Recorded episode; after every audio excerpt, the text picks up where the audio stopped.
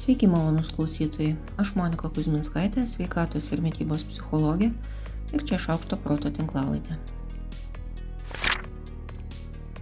Martin Seligman įgytas optimizmas, kaip pakeisti savo mąstymą ir gyvenimą.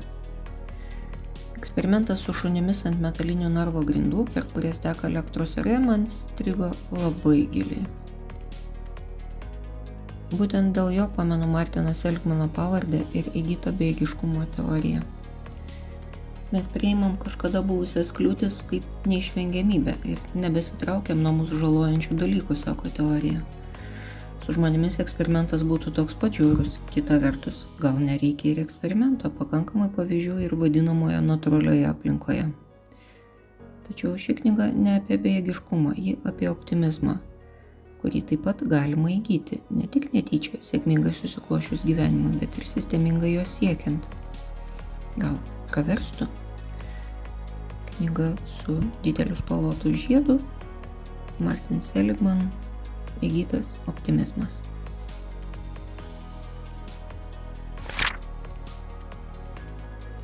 Maitinti sveikai labai brangu, aš tiek neuždirbu. Taip? Mm, ne, ne taip. Štai kaip man atrodo. Prieš kelis metus atliktas Lietuvos gyventojų faktinės mytybos ir mytybos įpročių tyrimas. Jis rengiamas reguliariai ir rezultatai kartojasi kas kelius metus. Jo išvadose yra skelbiama, kad pagrindiniai maisto pasirinkimo kriterijai yra skonis. 27,5 procento respondentų renkasi maistą sveikatos gerinimo arba lygų profilaktikos tikslu. Pagal kainą maistą renkasi 14,3 procento. Situacija beje gerėja. Kažkiek galima pasamprotauti, ką reiškia kainos kriterijus, ar žmonės perka kuo pigesnį ar kuo brangesnį maistą ir ką reiškia rinktis maistą sveikatos gerinimo tikslu. Ar gydytis medumi ir česnaku, kai sergi, ar tiesiog gerai valgyti. Na, čia gal būtų įdomu paprašyti ir jūsų sustoti ir pagalvoti apie tai, kokia jūsų versija. Aš pati spėju ir spėju, kad menkai klystu, kad žmonės perka nebrangų maistą ignoruodami jo sveikumą. Tada nenuostabu, kad kitas Lietuvos gyventojų sveikatos tyrimas, kuris irgi kartojamas reguliariai, sako, kad tik pusė lietuvių savo sveikatą laiko gera. Beveik pusė serga kokią nors lėtinę lygą, 38 procentai turi viršsvorio, 18 yra nutukę. Pusė. Tik pusė žmonių nors kartą per dieną valgo vaisių ir daržovių. Vadinasi, pusė net nevalgo kasdien. Bet gal sveikas maistas tikrai brangus. Be to, kad iškart išnyra šis vaikala Fioras istorija, kurią jau gal šiek tiek ir uždengia dulkės. Šiaip jau šviežios ir šaldytos daržovės ir vaisiai, kruopos ir juoda duona nėra patys brangiausi maisto produktai. Durus pirštų į paskutinės kainas kilogramas keulienos kainuoja tiek pat, kiek be ne 10 kg burokėlių. Tai kas tada ne taip? Na, lenkiam pirštus. Yra pigaus, nesveiko ir skanesnio maisto. Nors reikėtų nepamiršti, kad skanu yra tai, kas įprasta, o ne tai, kas skanu universaliai, nes tokio dalyko nėra iš viso. Žmonės nemoka gaminti sveiko nebrangaus maisto taip, kad jis būtų skanus. Žmonės tiesiog nenori gaminti, verčiau valgo pusgaminius, kurie iš esmės nebūna sveikas maistas. Žmonės nenori atsisakyti savo valgymo įpročių, nes laužyti savo įpročius iš tiesų yra sunkus laiko ir jėgų reikalaujantis darbas.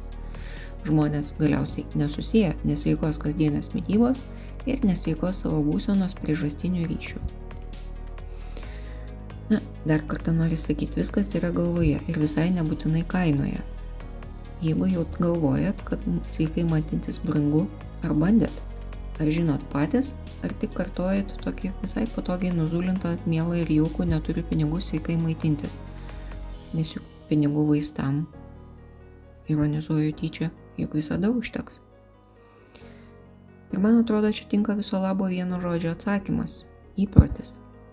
Saliginai lengvai, na, aišku, lyginant su viso gyvenimo nesveikos mytybos pasiekmėm, įgyjamas paprastas įprotis. Jo visiškai užtektų tam, kad visiškai neslėgiami nei kalties, nei nuodėmingo džiaugsmo į šaldytuvą ir į skrandį kasdien dėtume vertingą, sveiką, gydantį ir stiprinantį maistą, kuris tapęs įprastu taptų naujų, skaniausių maistų.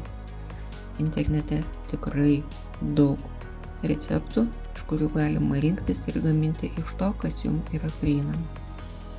Ar kaip jums atrodo?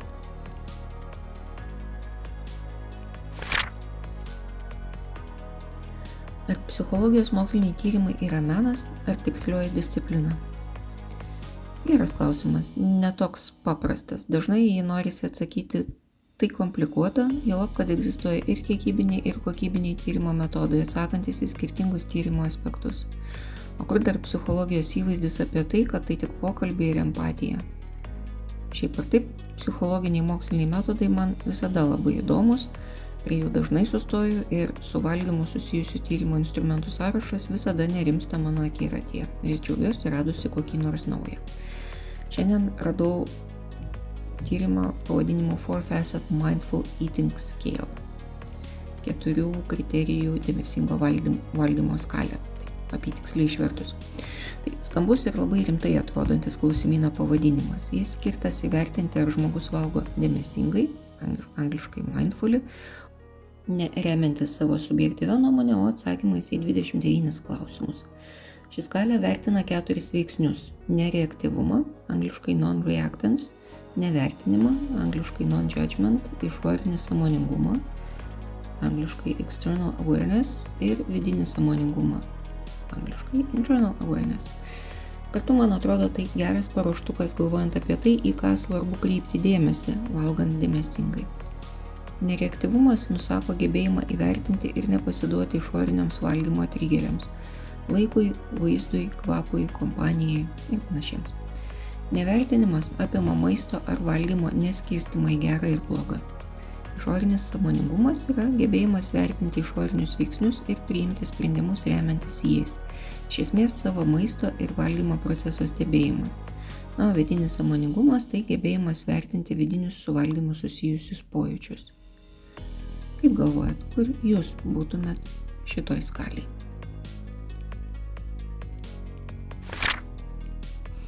Niekas iš niekur neatsiranda, kaip gamtoje, taip ir kūne. Raumenis yra konstruojami iš amino rūgščių ar, sakykime, baltymų. Jeigu mūsų maiste jų nėra, net nėra ir raumenų. Bent jau tai būtų galima apibendrinti iš šio tyrimo. E, šiame tyrime dalyvavo paaugliai. Ir jei paaugliai vartojo sojos produktus tris kartus per savaitę ar dažniau, tai jų raumenų stiprumas, matuojamas rankų suspaudimo jėga, buvo reikšmingai didesnis negu paauglių, kurie vartojo sojos produktus kartą per savaitę ar rečiau. Tyrimas atliktas Kinijoje, tai matyt, tendencija valgyti sojos produktus ten tikrai yra kitokia negu pas mus. Na, taip, man irgi kyla daug bet, nors šiame tyrimė į daugumą tikrai buvo pasistengta atsakyti. Bet Gal yra kitų veiksnių, gal soja mėgstantis mėgsta ir sportuoti, nors labai už pirštą laužta hipotezė atrodo. Šiaip ar taip tikrai žinom, kad sojos produktai turi daug lastelienos, daug baltymų, mažai riebalų, turi omega-3 ir 6 rūgščių, antioksidantų, vitaminą A ir K, folatų ir fitoestrogenų. Man atrodo, neskamba taip jau blogai.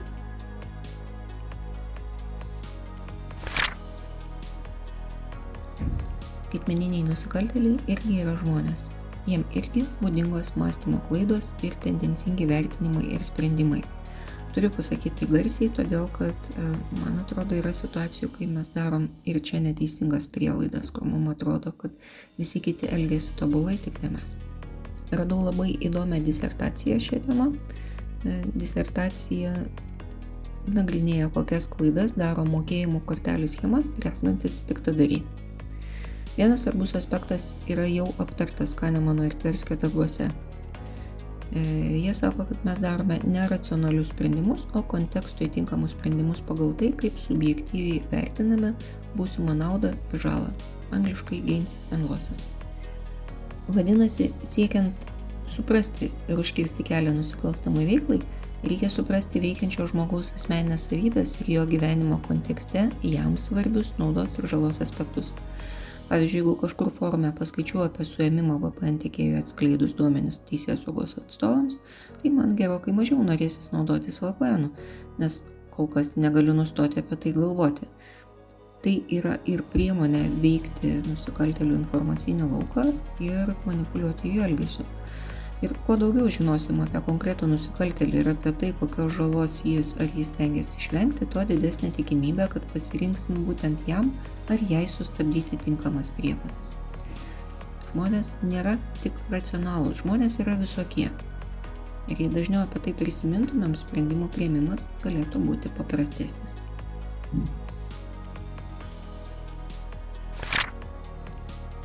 Ko labiausiai norit yra vienas iš klastingiausių klausimų mano įrankių tarpe.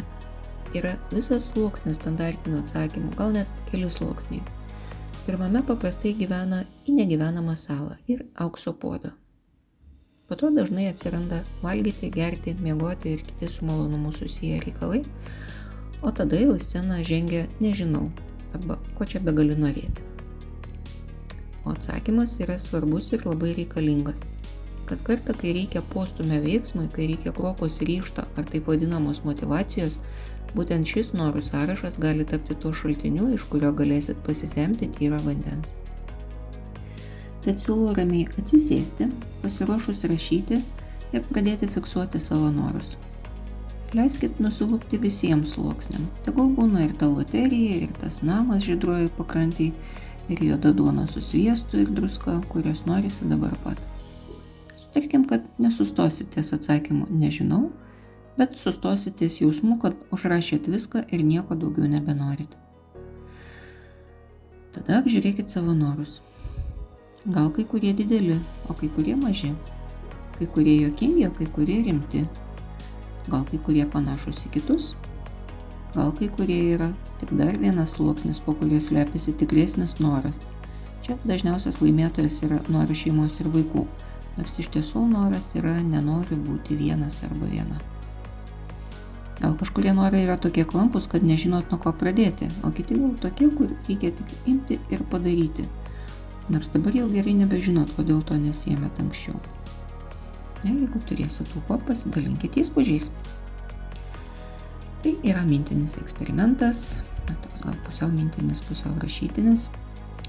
Eksperimentas yra viena iš dažnai naudojamų technikų kognityviniai elgesio terapijai. Eksperimentas yra skirtas patikrinti įsitikinimo teisingumui. Įsitikinimai yra saliginai tvirti, bet nebūtinai teisingi sprendimai, kuriuos naudojam nekritiškai, nebetikrindami kiekvieną kartą jų teisingumą.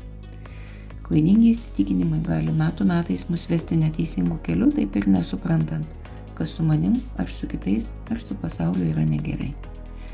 Eksperimentas leidžia atpažinti klaidas įsitikinime ir stovint akistatoje su nauja informacija jį pataisyti ar perkonstruoti iš naujo. Jei įmatės eksperimentų, pasidalinkit prašau savo patyrimais. Bus labai įdomu ir visiems naudinga. Šiai savaitėjai tiek. Aš Monika Kuzminskaitė, sveikatos ir mytybos psichologė, padedu spręsti kasdienius ir sudėtingus elgesio, mąstymo ir emocijų klausimus. Rašau, skaitau paskaitas, teikiu psichologinės konsultacijas. Mane rasit socialiniuose tinkluose vardu Šaukštas Proto arba Vilniuje Vortuto gatvėje. Rašykit man asmenę žinutę socialiniuose tinkluose arba elektroniniu paštu adresu šaukštas.proto atgmail.com. ópticos y venidas.